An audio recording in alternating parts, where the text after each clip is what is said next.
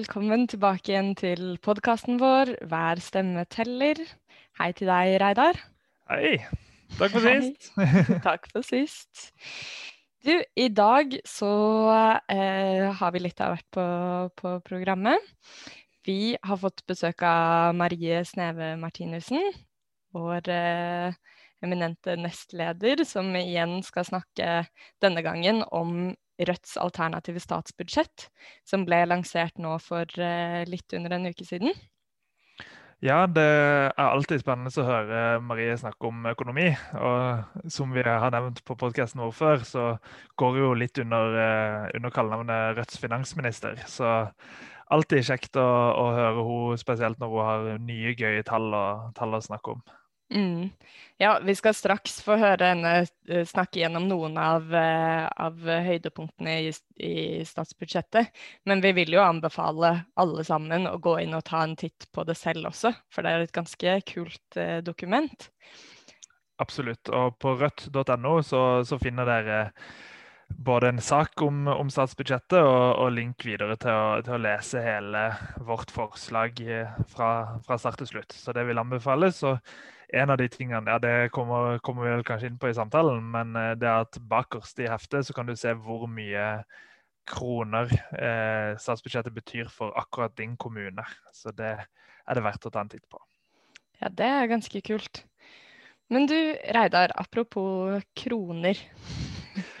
Så vet jeg at du har hatt eh, noen eh, litt fine dager på jobb eh, i det siste. Hva er det du har drevet med? Ja, Det har vært fryktelig morsomt. Eh, som, eh, som, alle vet, så koster det dessverre masse penger å, å, drive valgkamp. Selv om man er mange folk, som vi i Rødt etter hvert har blitt, så koster det fremdeles penger å trykke T-skjorter og ansette kandidater for at de skal ha tid til å skrive leserinnlegg, i tillegg til å sitte på, i debatter og reise rundt og alt mulig. sånn at det å frikjøpe noen, det, det, har betydning. og ja, Det er mye som koster penger med en valgkamp. så Derfor har vi en uh, valgkampinnsamling hvor vi faktisk har et ganske høyt mål fram til valget. og Det er å samle inn tre millioner kroner. Eh, og som en liten del av den innsatsen så skulle vi gjennomføre en innsamlingsauksjon nå på tirsdag. Eh, mm. og da starta vi med et mål om å samle inn 100 000 kroner. Og det er jo et ganske stort tall. Ja, det er mye så, penger. Det er veldig mye penger. Så, så, jeg tror ikke alle tenkte at det kommer til å gå lett. Og så var det likevel sånn at uh, jeg og Ole Mjelstad, som var de som på en måte organiserte denne valgkampdagen, vi tenkte vi skulle ha et litt høyere ambisjonsnivå. Så når vi la planene, så tenkte vi la oss prøve å samle inn 300 000 kroner. Altså 1000 kroner per dag fram til valget. For på tirsdag så var det 300 dager igjen til valget. Og det visste vi, eller tenkte vi i hvert fall, at det kom til å bli vanskelig. Og at vi da måtte hele partiet være i sving for å få det til. Eh, men jeg eh, tenkte likevel at det å ha et såpass ambisiøst nivå, eh, mål, i hvert fall internt, kom til å være en god idé. Og det gikk. Og det gikk ikke bare så vidt. Vi suste forbi. Så eh, Bjørnar Moxnes skulle på sånn livesending klokka halv tolv eh, på dagen. Da hadde vi drevet innsamlinga siden klokka åtte, så det var tre og en halv time. Mm. Og Hvordan var, var stillinga da?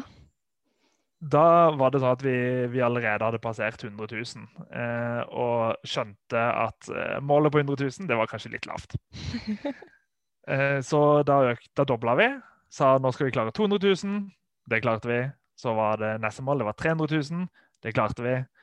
Og så endte vi til slutt opp, bare på tirsdag, eh, med å samle inn 441 000. Og det er jo helt sinnssykt. Wow. En firedobling av første målsetting? Mer enn en firedobling. Og eh, det, det, var helt sjukt. Og da i tillegg rent inn penger etterpå. Så nå har vi passert en halv million eh, fra, altså fra, tirsdag til i dag eh, under innspillinga, som er på en torsdag. Så det er bare i løpet av et par dager har vi altså klart det. Så det er helt sjukt. Og det er utrolig kult.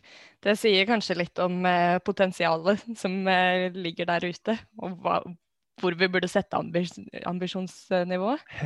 Det gjør det. Og uh, det, dette handler jo om at folk er fryktelig ivrige på, på å få Rødt over, over sperregrensa, på at Rødt skal bli en, en maktfaktor i norsk politikk. og det er sjukt kult å se. Så det er ca. 1600 personer, 1600 personer som har bidratt. Eh, så det er jo bare helt sinnssykt. Det kan du tenke oss tilbake til 2007, når Rødt ble stifta, så var vi altså ca. det antallet medlemmer. Nå er det så mange som bidrar i løpet av 24 timer mm. på, på innsamling. Så det viser at vi er veldig mange. Og det gir jo håp, selv om vi ikke har de budsjettene som Høyre og Arbeiderpartiet har inn, inn mot valgkamp, så viser det at vi har et uh, stort potensial. Så det er kjempegøy. Absolutt. Og så vel som penger, så er det jo så utrolig viktig at folk engasjerer seg i valgkamp. Så om man ikke hadde mulighet til å gi, eller har et stramt budsjett, så finnes det jo masse andre måter å bli med på den dugnaden vi står foran også. Absolutt. Og det som var så gøy på tirsdag, det var at alle bidro. De som hadde, hadde litt ekstra penger de kunne bidra med, de gjorde det. Uh, mens andre delte delebildene uh, om innsamlinga. Uh, så, så, det var på en måte noe alle kunne være med og bidra til. Og, og vi, vi, er jo et parti som, som ikke handler om at liksom, de som har uh, best råd, er de som er mest verdt, uh, for å si det på den måten. Så, så, det at alle har muligheten til å bidra på, på, sine måter, det er viktig. Og selvfølgelig er det aller viktigste aktivitet. Så det å være med og bidra når, når valgkampen går skikkelig i gang med å, med å banke på dører eller stå på stand eller ringe eller alt, alt, det man kan bidra med i en valgkamp, det er selvfølgelig det, det aller viktigste. Mm. Men så, så, merker jeg også på, på valgkampinnsamlinga nå at, at uh, det å klare å liksom gjøre dette til en fellesskapsgreie, det med en sånn innsamling, det gjør også at hele organisasjonen blir mobilisert og ivrige, og det viser i tillegg at for de som ikke er medlemmer i Rødt, at uh, vi har noe på gang. Så det er, en måte å vise liksom, offensivitet på, uh, vise at vi er samla. Og, og, det tror jeg også er viktig. Så vi har klart å gjøre innsamling til noe annet enn sånn slitsom sånn eh, mas på slutten av et møte. Nå er det også en, en, gøy ting å holde på med, og folk blir nesten så ivrige, tror jeg, at noen sikkert har gitt eh, både to og tre ganger, for de blir bare åh, vi må klare å komme over 300 000. eh, og det er jo sjukt kult og veldig gøy å være med på det. Eh, ja, det er utrolig kult. Men du, hvis man eh, sitter og hører på nå, og ikke fikk med seg kampanjen, hva, hva kan man gjøre da, hvis man har noen eh, ekstra kroner liggende? Da kan du vippse til Rødt eh, på vips nummer 557255. Eller du kan gå inn på fellesskapfungerer.no. Fellesskapfungerer.no. Eh, hvor det er mulig å både gi enkeltbidrag og eh, månedlige faste bidrag fram til valget eh, med å betale med kort. Så det går kjempefort. Hvis man har lyst til det, så er det bare fellesskapfungerer.no fellesskap fungerer. Det gjør det. Du, nå skal vi straks få høre Marie eh, gi oss en eh, liten innføring i alternativt statsbudsjett for 2021. Eh, og etter det så skal vi få høre Da skal vi gi en liten oppdatering på status eh, blant nominasjonsmøtene som har foregått nå i det siste der ute i fylkene våre. Og et av de fylkene er jo faktisk Akershus. Mm. Og der har Marie blitt eh, valgt som førstekandidat for Akershus til stortingsvalget. Så det er ikke bare finansministersnevet vi skal få høre nå, men også potensiell stortingskandidat. Og etter intervjuet så vil jeg også si litt om sjansene til Marie for å komme inn. Hei, Marie. Hei, Ingrid, og hei alle sammen som hører på denne fantastiske podkasten. Velkommen tilbake igjen. Så det er veldig fint å ha deg på besøk. Og nå, denne gangen, så er du her fordi Rødt har lansert alternativt statsbudsjett. Det stemmer. Det gjorde vi fredag den 13. Fredag den 13. faktisk. Fredag den 13. november så tok vi sjansen på å lansere Rødts alternative statsbudsjett for 2021. Ja, det gikk jo det gikk bra. til tross for fredag 13. Ja, det gikk bra, men jeg merka det når jeg skulle skrive datoen at oi, det var, det var jo litt spesielt. Men um, det gikk kjempebra. Ingen ulykker og ingen svart katt og ingen knuste speil. Det er veldig bra. Men du, for de som ikke har fått det med seg enda, så heter dette statsbudsjettet eh, fordi det er mulig 2021. Og hvorfor har du fått det navnet? Altså det er det navnet som Rødt har hatt på sitt uh, alternative statsbudsjett uh, i 2000 og, ja, for tredje år på rad. Mm. Uh, og det er litt fordi første gangen vi lagde et sånt helhetlig budsjett, så er det litt viktig å kanskje forklare lytteren hva konseptet er. fordi Rødt fremmer jo politikken sin på mange måter, og Rødt jobber jo politisk både på gata og i demonstrasjoner og i kommunestyret og i lokallag og på mange, mange, mange forskjellige måter. Men én ting som eh, har blitt helt på en måte nytt for Rødt etter vi kom inn på Stortinget, er at vi også eh, lager et helhetlig forslag til statsbudsjett for Norge eh, for da neste år. Og det hadde vi jo aldri gjort før vi kom på Stortinget, som er helt logisk, fordi du må være på Stortinget for å få lov til å, å spørre Finansdepartementet om hva ting koster. Så det er liksom en sånn det er ganske umulig for noen som ikke er på Stortinget å gjøre det.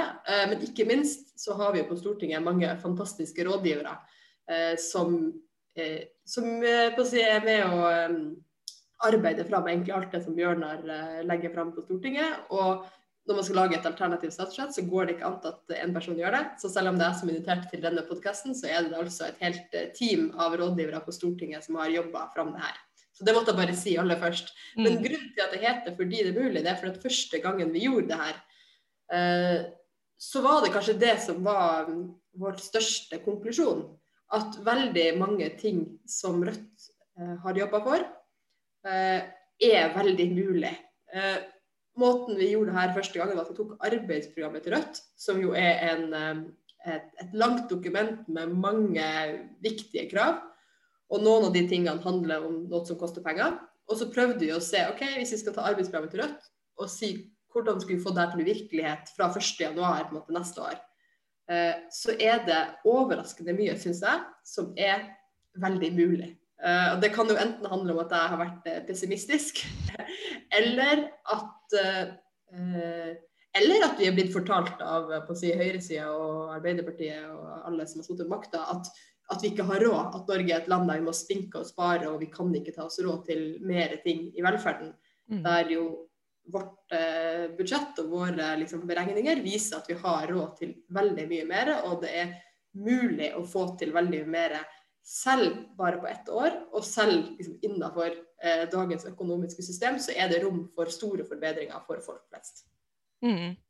Ja, for det er vel eh, Altså, jeg tenker jo fort at Oi, er ikke det litt rart at man bruker så mye tid og arbeid på å lage et alternativt statsbudsjett som egentlig ikke skal brukes? Um, men samtidig så er jo det kanskje um, noe av logikken bak. da, Å vise at å, det, er, det er mulig å gjennomføre vår politikk. Ja, det er sant. Det er jo litt sånn uh, lekepenger, fordi vi sitter jo og på en måte foreslår ting som vi vet at med dagens stortingsflertall så blir det ikke gjennomført. Men sånn er det jo egentlig veldig ofte på Rødt på Stortinget. Uh, at vi foreslår mange viktige ting, og så vet vi jo at høyresida har flertall på Stortinget. Så vi vet jo at ting vi foreslår ikke nødvendigvis får, eh, får gjennomslag. Men det å foreslå det, det å vise for folk at det her hadde vært mulig, det er en veldig viktig på en måte, politisk handling. Fordi det gjør at eh, f.eks. For eh, foreldre med barn i barnehagen kan få se svart på hvitt at det er mulig å redusere maksprisen. Eller det er mulig å innfase gratis barnehage, som vil ha masse å si for økonomien til familier i Norge.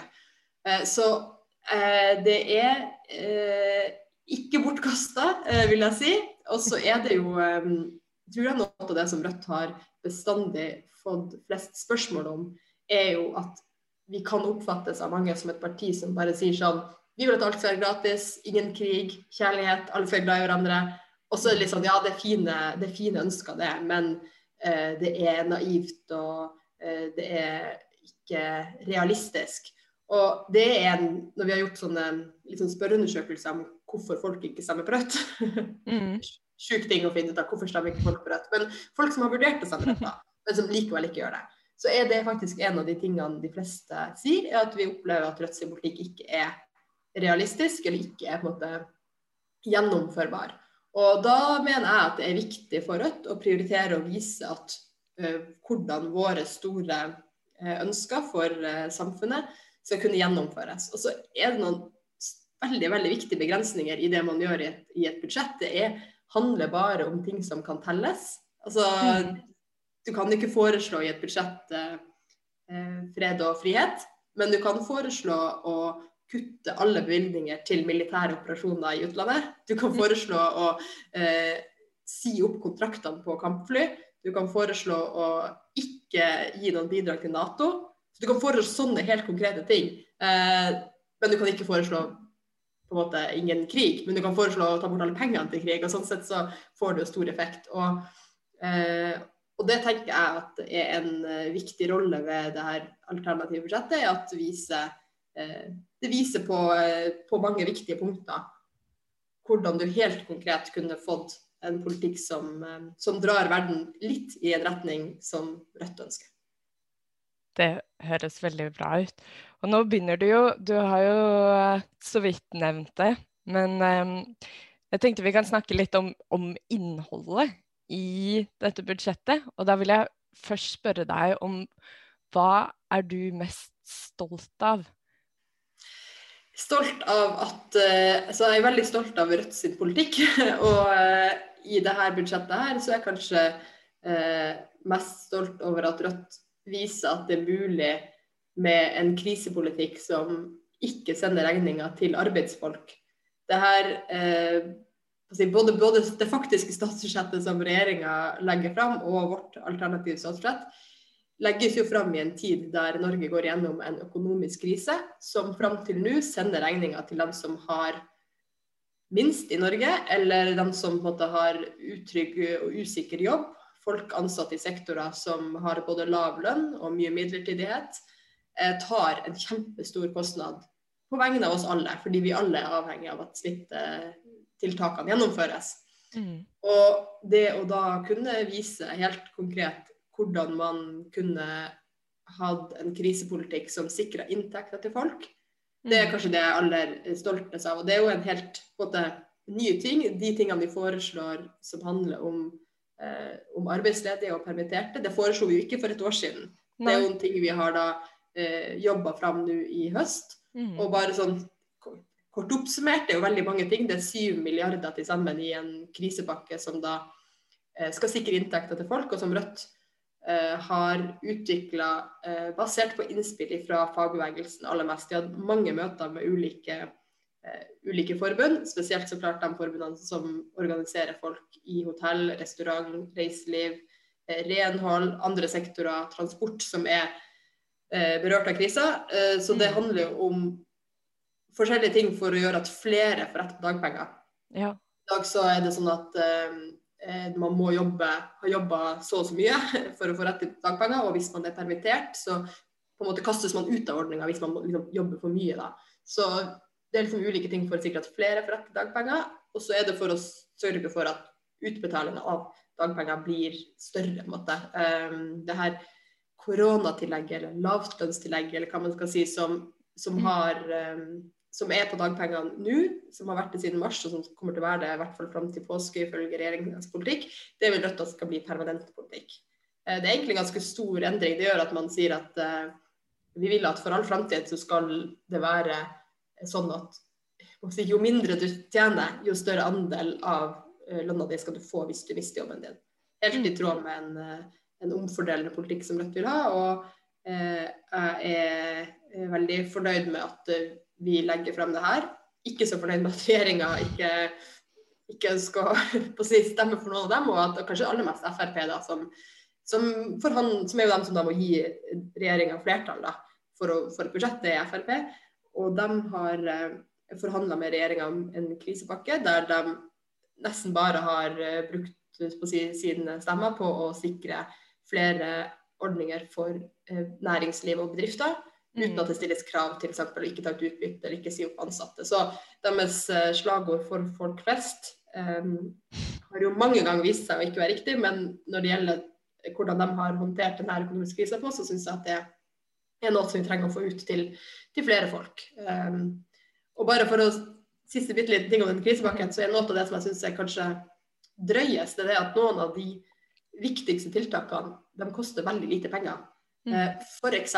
så er det nå sånn at eh, fram til jul så kommer 9000 mennesker til å dette helt ut av dagpengeordninga. Det betyr at de er arbeidsledige, har vært det lenge, og de har da brukt opp på en måte kvota si for hvor lenge man kan være arbeidsledig. Men så er vi midt i en økonomisk krise, og vi skjønner jo at det er ikke noe lettere for de folkene å få jobb nå enn det var f.eks. For, for ett år siden. Mm. Derfor så har eh, si, hele stortingsflertallet forlenga denne fristen og sagt at OK, ingen skal dette ut av ordninga men 1.11. så sa det stopp. Så fra 1.11. og framover og framover i neste år, så kommer folk hver uke så kommer folk til å da miste rett på dagpenger. Det som skjer da, er at du har ingen andre plasser å gå enn å liksom tigge hos ikke, venner og bekjente, eller å gå på sosialen. Altså få sosialstønad som er ca. 6000 kroner i måneden. Og det er enormt dramatisk for, mm.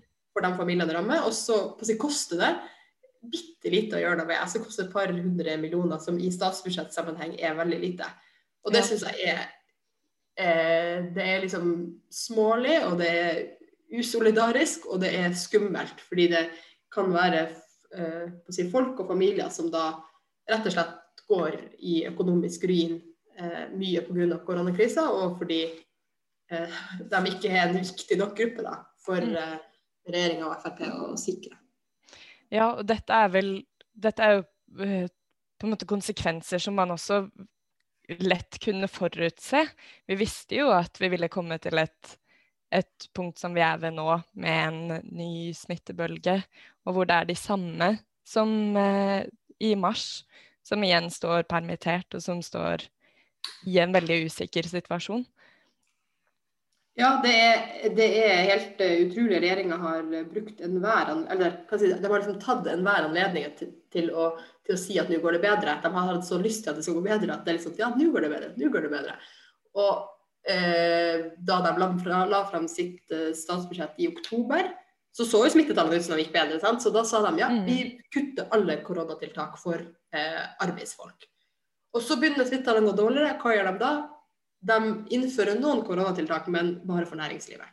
Mens for arbeidsfolk så er det ingenting nytt, og alt avvikles bit for bit. Og noen av de viktigste ordningene er allerede avvikla.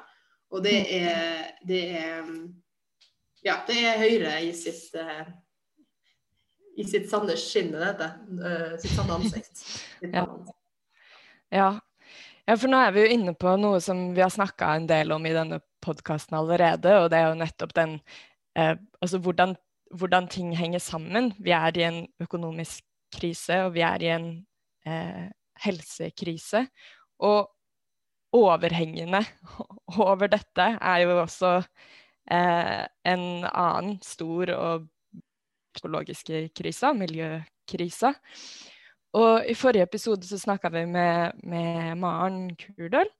Og da var en av tingene vi, vi, kom inn på, var hvordan kan man på en måte se disse måte, elementene i sammenheng. Hvordan kan man se på en måte koronakrisa og klimakrisa og den økonomiske krisa i sammenheng og finne løsninger som på en måte kan, kan um, bøte på alle sammen. Og det vil jeg spørre deg om, og kanskje liksom mer prøve å flytte ballen over på det som handler om en rettferdig omstilling, som vi er veldig opptatt av i Rødt. Ja, det, det, Et viktig ord du sa var bøter på krisa. For jeg tror ikke, i hvert fall ikke i det budsjettforslaget som jeg har vært med å legge fram, så har vi ingen løsning på klimakrisa. Fordi mm. i hvert fall eh, for Rødt så handler en sånn løsning om at man, eh, om at man klarer å erstatte økonom, dagens økonomiske system med et system som ikke er basert på evig vekst. Men eh, klimakrisa er så overhengende og så eh, så nært forestående, eller den er egentlig i gang, da, at det er helt umulig for Rødt å sette seg ned og si at uh, vi har ikke tenkt å ha en klimapolitikk før vi har uh, vel omvelta hele samfunnet. Um, så vi har så klart en klimapolitikk som handler om ting vi kan gjøre her og nå. Og i vårt uh, alternative statsbudsjett så prøver vi å gjøre nettopp det, og se hvordan vi kan bøte på de her krisene samtidig. Og da er det eh, noen krisepakker som vi har lagt fram, som, er, eh, som handler om å skape arbeid samtidig som man kutter utslipp og tar vare på natur. Så det mm. vi prøver å si er at nå er vi i en situasjon med rekordmange arbeidsledige i Norge. Så folk står uten arbeid. Og så har vi en uendelig gjøreliste i liksom klima- og miljødugnaden. Og da bør eh, staten stille med liksom pengene som trengs for å få satt de to tingene sammen. Få mm. eh, folk som er uten arbeid, til å gjøre arbeid som gjør at vi kan eh, kutte utslipp eller ta vare på naturmangfold. Så vi har samla eh, mange eh, konkrete tiltak i en sånn krisepakke. Den er også faktisk på ca. 7 milliarder, så det er et lett eh, ord å huske. Eh, men den, for å liksom ta det litt sånn systematisk, så er den delt opp i litt ulike elementer. Fordi eh, det er jo ikke sånn at alle de Altså, det er ikke sånn at alle arbeidsledige restaurantarbeidere kan liksom begynne å montere solcellepanel, f.eks. For eksempel. Fordi det er jo ikke sånn at alle kan det samme her i verden. Men det er mange ting vi kan gjøre som kan på en måte spre, spre seg ut til å kunne gi arbeid til flere. Så den første delen av krisepakken den er oppdrag retta mot verft og maritime næringer. Og det er fordi, eh, fordi eh, norske verft og maritim industri de har vært ganske gode på å bygge cruiseskip. Eh, med pandemi, vil folk ha cruiseskip? Nei. Så veldig mange verft i Norge nå de har eh, hatt eh, oppdrag om å bygge cruiseskip som plutselig har forsvunnet. Fordi eh, det er ikke så populært med cruise eh, når det er pandemi. Og det betyr at veldig, nei, så det betyr at veldig mange verft og liksom den, den industrien som er knytta til alt som handler om ting på havet, eh, sliter nå. De har hatt nok å gjøre liksom, kanskje gjennom sommeren og høsten, men de begynner å få lite å gjøre. Og det er viktig for Norge å beholde en sånn industri, fordi det er veldig mange eh, viktige klimaløsninger som er knytta til en sånn industri, i tillegg til at vi trenger industri i Norge også. Mm. Så da foreslår vi en del oppdrag som skal gjøre at eh, verft og maritim næring har eh, oppdrag i tida framover. Og det ene er på en måte å bestille at staten bestiller skip som staten uansett trenger. F.eks. For nye forskningsskip til å kartlegge og forske på havmiljøet vårt. Det er sånn som Havforskningsinstituttet de har, de har på ønskelista. De vet hva de vil ha. Vi må liksom bestille det, sånn at det blir bygd. Mm. Eh, og så handler det om å, eh, om å, bytte ut veldig mange fossile skip med liksom lavutslippsløsninger. Og der også er det sånn, Vi vet hvordan man gjør det. Hvordan, altså Jeg vet ikke det personlig, men de som eh, er skipsingeniører og eh, verftsindustriarbeidere, vet hvordan man gjør det. Hvordan man erstatter fossile teknologier på skip med nullutslippsløsninger. Så det også er bare sånn, Staten må bestille penger sånn at det kan skje. Eh, mange av ting av det, mye av det er jo f.eks. ferger og sånt. Og så handler det om å oppgradere havner. Vi har masse havner i Norge som både er full av miljøforurensning, altså på bunnen under havner, men også ikke god nok for å takle eh, vær og vind. Og så er det en viktig klimaløsning fordi vi trenger å få gods over på sjø. Så det er liksom ting som kan Eh, gjøres for å styrke havnene. Så det var veldig raskt en eh, verfts- og maritim, næring. Men så har vi også foreslått eh, økte tilskudd til alt som handler om sånn energieffektivisering. Både i offentlige bygg, private bygg og alt sånt. Eh, utbygging av ladeinfrastruktur, sånn at det går an til å kjøre elbil ikke bare si, mellom Oslo og Oslo hyttefjellet, men i hele landet. Mm. Eh, og eh, klimatiltak i industrien. Eh, og Så kommer vi til den siste tingen jeg skal nevne, som er egentlig veldig flott. Um, fordi vi har foreslått ganske mange ting som handler om å ta vare på naturmangfoldet. Uh, Nå skal du tro at det koster ingenting å ta vare på naturmangfoldet, for det er bare å ikke f.eks. bygge en vei, så har du tatt vare på naturmangfoldet. Og det er helt sant. Å ta vare på naturmangfoldet er veldig billig og egentlig helt gratis. Men vi har mange naturområder i Norge der det trengs at man gjør ting. F.eks. myrer som har blitt um, som har blitt eh, drenert eller er liksom halvveis ødelagt. Der man ved å liksom gjøre arbeid, altså grave grøfter eller ja, fylle igjen også, ja. Det er veldig langt til hvordan man fikser en myr, da.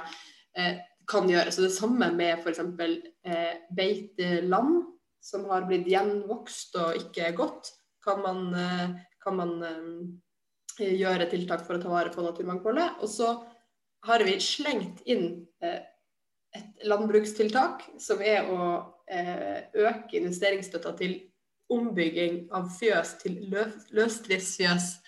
For det er noe som okay. Hva betyr det? det, det betyr at um, i Norge det, altså det er vedtatt at det ikke skal være lov å ha eh, fjøs der kyrne står på bås. Mm. Eh, Du husker ikke helt deadline for det, men det er liksom sånn det er i gang å utfases. Og så får eh, eh, bøndene tilskudd for å liksom investere i en, en ny fjøs, altså løsdriftsfjøstype, som er bedre for dyrevelferden, så det er på en måte er veldig bra. Mm. Eh, og det skal man gjøre, men da foreslår vi at man bare upper det tempoet litt nå, sånn at man får eh, aktivitet i, eh, for, hos entreprenører over hele landet. Så da er det eh, hvordan løse koronakrisa? Slipp kyrne fri. Nei, ikke kjøp kyrne fri, men la kyrne få litt bedre plass inne på fjøsen. Det er et godt eksempel på hvordan man kan eh, prøve å gjøre flere ting samtidig. Det er utrolig Det er veldig eh, detaljert, og veldig mange ting som, som eh, jeg aldri ville klart å tenke på. Så det er jo ja, inngående frie, frie kyr. Ja, du vet ikke, altså. Eh, dere har spurt noen kyr, eh, men all, all min kunnskap om dyrevelferd eh, tilsier at det er eh, bedre dyrevelferd når kyrne Mm. kan stå, eh, kan være i et løs fjøs eller en snåpebås. Ja, og det er jo kanskje det som er kult med et sånt budsjett, at man må konkretisere tilbake igjen til det du sa i starten, da, noe som faktisk kan vises med tall. Men Maria, er det sånn, hvis man ikke eh, har sett på det statsbudsjettet, eh, er det sånn at hvis jeg går inn og åpner det dokumentet, så er det bare en haug med formler og statistikk og grafer og sånn, eller er det noe jeg kan lese der også? Det er definitivt noe du kan lese. Det er, eh, det er en del tabeller som viser alle konkrete liksom, tall, men de er helt bakerst. Så det er jo bare å stoppe når man kommer dit hvis man syns det blir litt uh, kjedelig. Uh, det er uh, si, 30 sider fram til der tabellene begynner, med, med tekst som er på ulike eh, tema, der man kan lese hva syns Rødt om kulturpolitikk, og hva foreslår vi der. Forsvarspolitikk, hva foreslår vi der.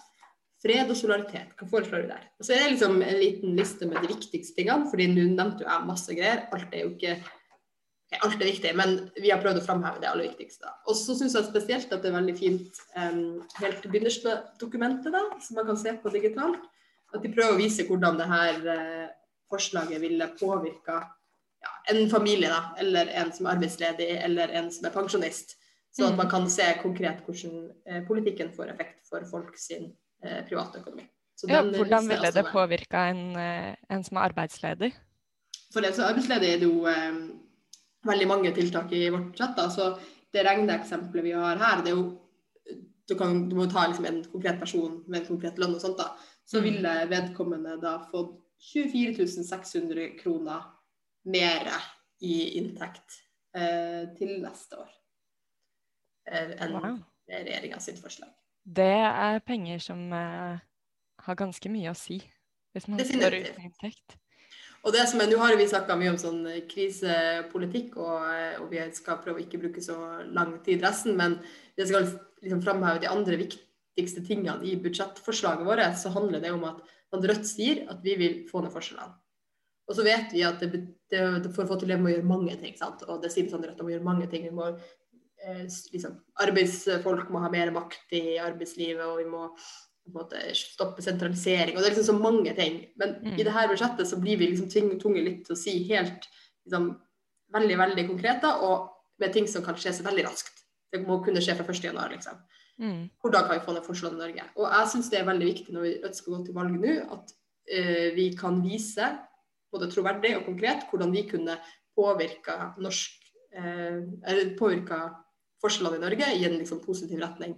Fordi Vi kritiserer jo ofte den rød-grønne regjeringa for at de snakker masse om forskjeller, men så økte forskjellene.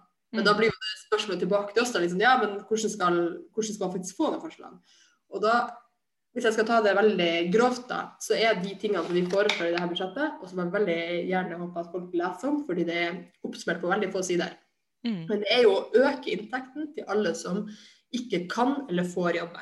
Så det betyr alle som er, har helsemessige årsaker til at den ikke kan jobbe, eh, eller som ikke får jobbe fordi man er arbeidsledig. Det betyr pensjonister, det betyr studenter, det betyr alle som går på sosialstønad. Mm.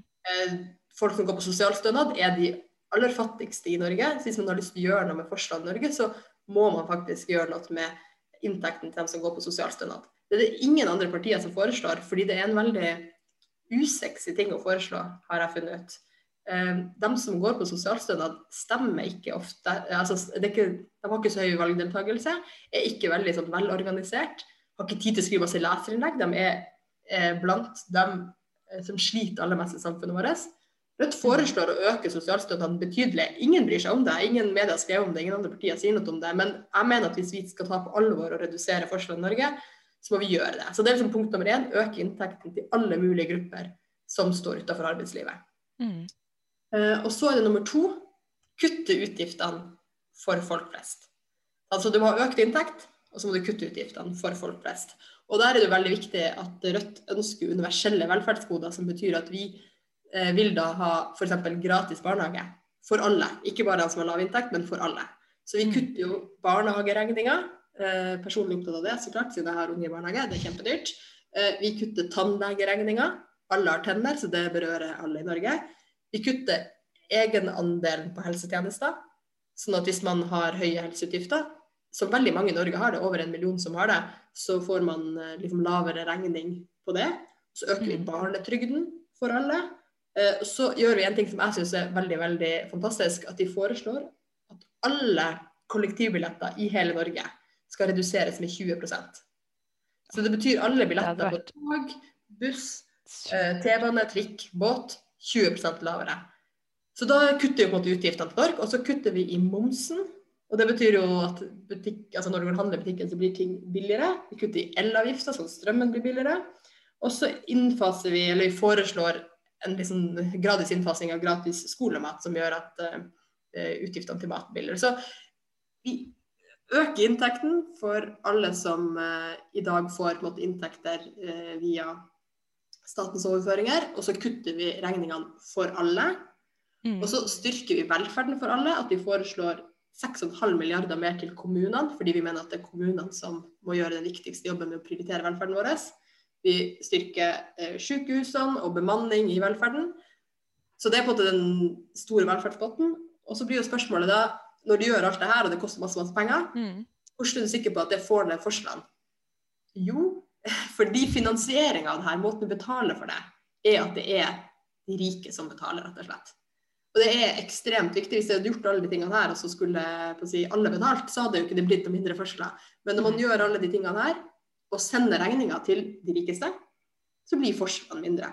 Og noen veldig korte tall til deg som hører på, som jeg syns er viktig at du skal huske, er at Rødt sitt skattepolitikk den lover at ingen som tjener under 600 000 kroner, skal få økt skatt.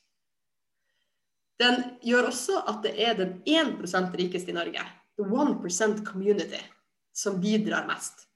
Mm. Og jeg kjenner ingen som er i den communityen, så derfor så må jeg opp til noen tall for å huske hvem det er. Og det er de som tjener over 2 millioner kroner. Ja. Så de som har inntekt som er over 2 millioner i året, de må betale betydelig mer med Rødt sin politikk. Men det syns Rødt er helt OK. Fordi det her er en gruppe som har stukket av fra resten for lenge siden. Og fordi, ærlig talt, hva skal du med to millioner eller mer? Da kan du betale mer til fellesskapet, og du kan eh, bidra betydelig mer enn i dag. Så det er liksom kort fortalt. Eh, Rødt ønsker da eh, at de som ikke kan jobbe, kan eller får jobbe, skal ha høyere inntekt. At vi kutter regningsbunken til folk flest. Vi gjør det liksom billigere med de tingene som er viktige for oss i livet. Vi styrker den felles velferden med flere milliarder og flere ansatte. Og så fordeler vi regninga sånn at de rike betaler. Vi sender hele regninga til de aller rikeste. Uh, og så på en måte er det jo, uh, hvis du tjener én million eller halvannen million, så må du også bidra litt mer. Men det er hovedsakelig den som uh, tjener over to millioner, som får økt skatt på Rødt sitt budsjett. Så jeg syns at dette budsjettet er genialt. Eh, det kan jeg si, for det er så mange andre som har vært med å lage det, selv om det er så bestandig får snakke om det. Så det er ikke bare selvskryt. Men det er veldig konkret måte å vise hvordan man kunne fått ned forskjellene i Norge eh, fort. Og så vet vi at det trengs større og mer strukturelle endringer for f.eks. å sørge for at lønnsoppgjørene blir rettferdige, og at eh, pensjonsreformen eh, blir rettferdig. og Um, og at folk får mer makt i eget liv og på arbeidsplassen. Men Mm. det eh, blir jo lettere òg, da. Hvis vi kan sørge for at eh, folk ikke trenger å gå rundt med økonomiske bekymringer. Ja. ja. Det viser rett og slett hva som er mulig å gjøre akkurat nå. Det viser at det er mulig, og det syns jeg er det viktigste å ta med seg ifra, ifra denne delen av podkasten. Eh, at du må ha sjøltillit på vegne av Rødt sin politikk. Eh, de andre partiene har i flere tiår eh, brukt krefter på å rakke ned på oss og si at dere vet ikke hva ting koster, og dere tror alt er gratis, og dere er naive og kan ikke matte. Nå har du fått et budsjett som du kan være stolt av, mener jeg, og som viser helt konkret eh, hva som er mulig. Og så er det jo eh, er veldig viktig å huske at det er et budsjett for ett år, så det er ingen sånn endelig, endelig drømmestadie for, eh, for Rødt heller. Men jeg syns det er viktig å kunne se at eh, OK, for, for de som går på sosialstønad f.eks., så hadde man hatt 1000 kroner mer, eller mer enn 1000, mer enn, mer enn 1000 kroner mer å rutte med i måneden for noen som Mm. har enormt lav inntekt fra før av. Eh, det viser at eh, tannlegeregninga kan bli lavere veldig raskt. At bussbillettene og togbillettene kan bli redusert veldig raskt. Og at eh, kostnadene ved å ha unger kan fordeles mer på fellesskapet. Mm. Jeg tror de aller fleste av oss kan kjenne seg igjen at de tusenlappene har ganske mye å si i hverdagen. Spesielt nå. Men du, Marie, tusen takk for at du eh, har gitt oss noen sånne noen høydepunkter og en eh, eh, kjempeviktig smakebit. Og anbefalingen er jo kanskje at eh, man går inn og faktisk ser på det selv. Ja, jeg tror det. at det Kapitlet er som sagt veldig kort, to sider. og Nå har ikke jeg snakka noe eksempel om at Norge må ta imot flere flyktninger, at vi er nødt til å bruke penger på, på liksom solidarisk bistand i stedet for næringsretta bistand, eller vi er nødt til å bruke penger på reelt forsvar i Norge i stedet for kjøp av kampfly.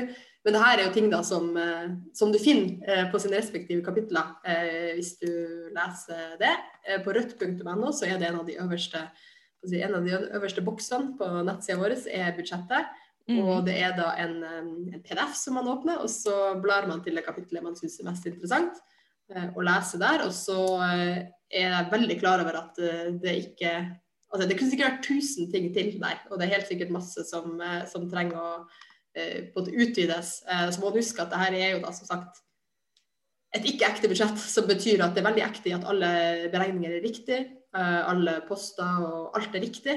Men det betyr jo også at eh, la oss si at Rødt hadde fått makta, så hadde vi jo hatt eh, ganske mange flere eh, byråkrater og økonomer til å kunne foreslå enda mer ting.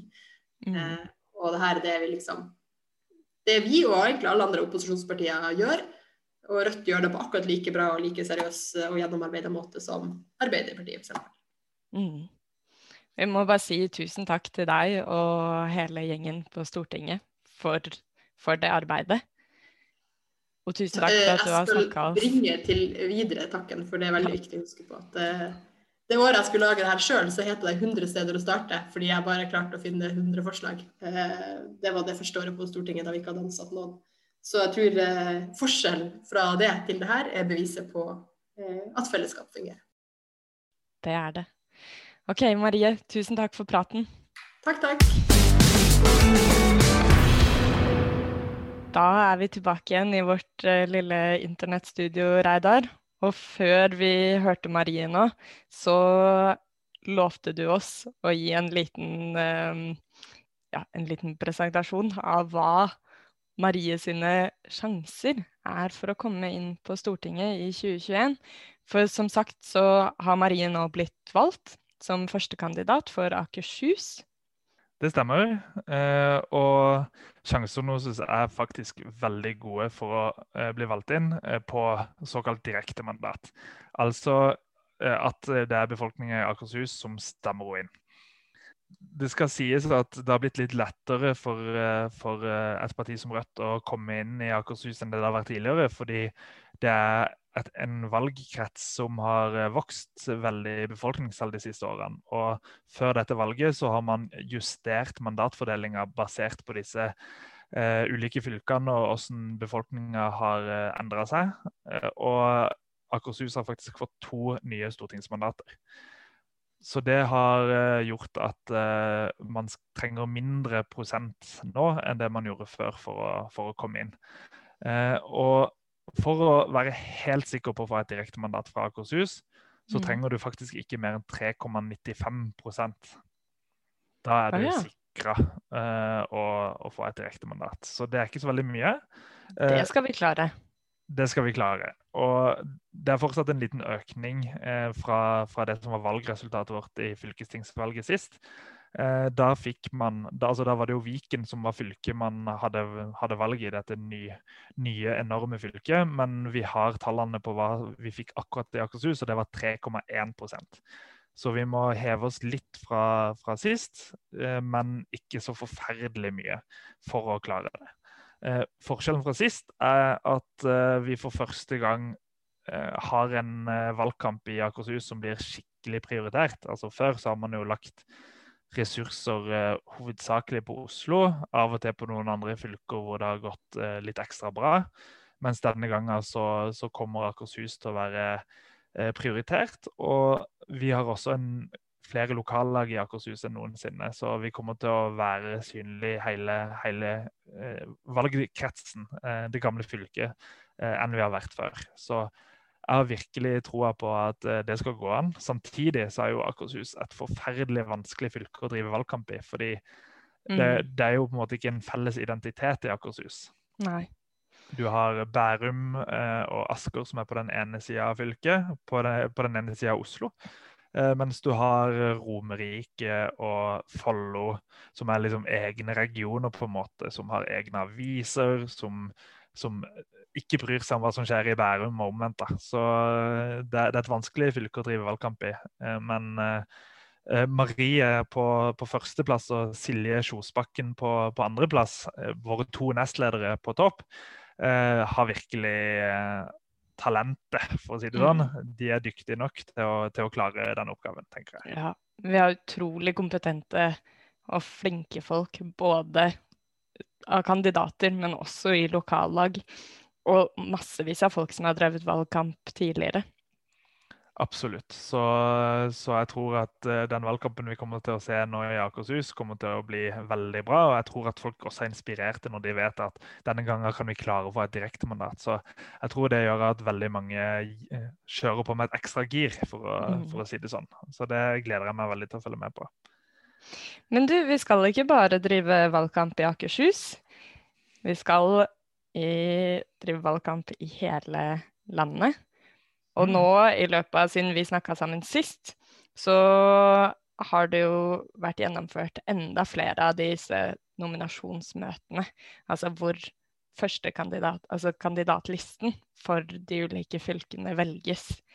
Og Sist gang så hadde vi en liten gjennomgang, men kan ikke du fortelle hva som har skjedd den siste uka?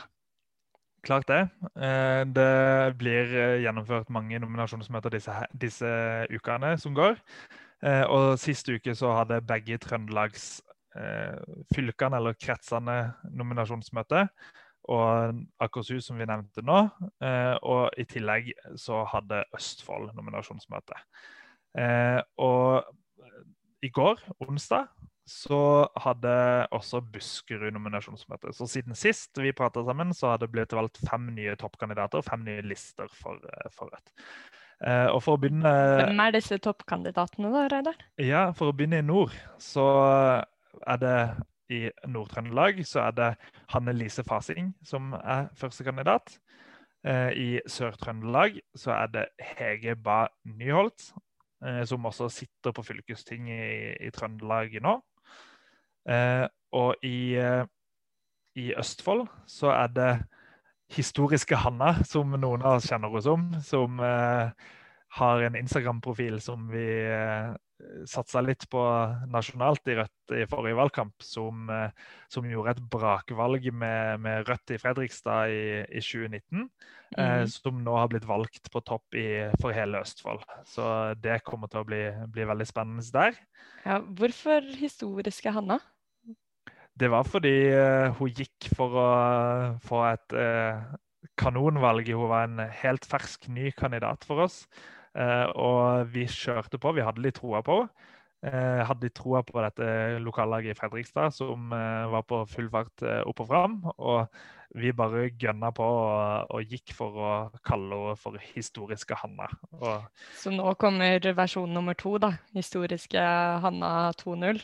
Ja, nå er det rett inn på Stortinget. Men, ja, men det, det, blir også spennende med, med Østfold, altså. For det er et av de et av de fylkene eller stortingsvalgkretsene hvor vi har opplevd en veldig stor eh, vekst i hele, hele kretsen. Eh, og mm. fylkesvalget sist var veldig bra. De endte opp på hvis jeg husker riktig, på over, godt over 4% i, i fylkestingsvalget. Så de bidro til å løfte, løfte hele Viken litt opp. Eh, så det var, det var, veldig bra. De gjorde det veldig bra i alle kommunene i, i Østfold. Så Eh, det lover bra, men eh, Østfold er også et av de stedene hvor du må litt opp i prosent for å få et direktemandat. Så skal de klare det, så må de få så mye som 9,33% for å være helt sikre på å komme inn. Så jeg vil tippe at de kommer inn kanskje på 8 men, men jeg kan ikke garantere det hvis ikke de får 9,3% Så det er jo en, en, jobb å gjøre, men det er eh, mulig det også når du har en historisk eh, kandidat på topp. ja. Og så er det jo eh, så er det Akershus, som vi har nevnt, med, mm. med Marie på topp og, og Marie Sneve på topp og uh, Silje Kjosbakken på andreplass. Og så har du uh, til slutt uh, Buskerud, som hadde møte i går. Og der har du fått en ny eh, Vi begynner å få en del sånne gamle RU-ledere på topp rundt omkring. Som, med, som, har vært ledere for Rød Ungdom. Mm. Du har mm. Tobias i, eh, i eh, Telemark. Du har uh, Mimir Kristiansson i, i Rogaland, uh, som har vært leder i Rød Ungdom. Og nå har du også Linn Elise Øhn Mælen, som var leder for to perioder siden i, i Rød Ungdom. Så hun skal altså toppe lista i, i Buskerud. Så det blir også veldig spennende å følge med på. Ja, Det er veldig bra. Det vitner jo godt at uh, RU-lederne fortsetter videre inn i Rødt-valgkampen. Absolutt, og de har jo veldig god erfaring fra å drive valgkamp. Og mm. har prøvd å sitte i skoledebatter sjøl, som, som, jeg personlig syns er et herk, men, uh, men som har trent opp veldig mange av disse til å bli veldig gode debattanter, som uh, har gjort at de er vant til en veldig travel valgkamp hvor man reiser rundt og holder på i 100. Så jeg er ikke i tvil om at uh, de kommer til å bringe mye energi inn i, inn i valgkampen. Ja, det blir kjempebra. Mm. Og alle disse eh, førstekandidatene kommer vi til å høre mer fra i podkasten vår fremover. Så det er bare å følge med. Absolutt. Så kan jeg jo nevne at alle de fem siste nå Vi har nevnt det på, i podkasten sist, tror jeg, at eh, nesten de, alle de første nominasjonsmøtene valgte, valgte, menn på topp. Så det var en stund det, det, var liksom seks menn og null kvinner. Og det så kanskje litt rart ut, men, eh, men nå er det altså eh, like mange kvinner. Og alle de navnene jeg nevnte nå, var jo, eh, var jo alle eh, kule damer. Dyktige damer. Så det er veldig, veldig kult å se at vi Eh, vi er et godt balansert parti på alle mulige måter. Ja, det er veldig kult. Men du, da tror jeg vi begynner å nærme oss eh, slutten for i dag. Det høres bra ut. Vi, eh, vi, har jo andre ting å gjøre også her i livet enn å bare snakke på podkast. Det har vi. Håper dere har eh, at intervjuet med Marie falt i smak. Og så lyttes vi igjen i neste uke. Det gjør vi. Jeg gleder meg allerede. ha det bra. Ha det.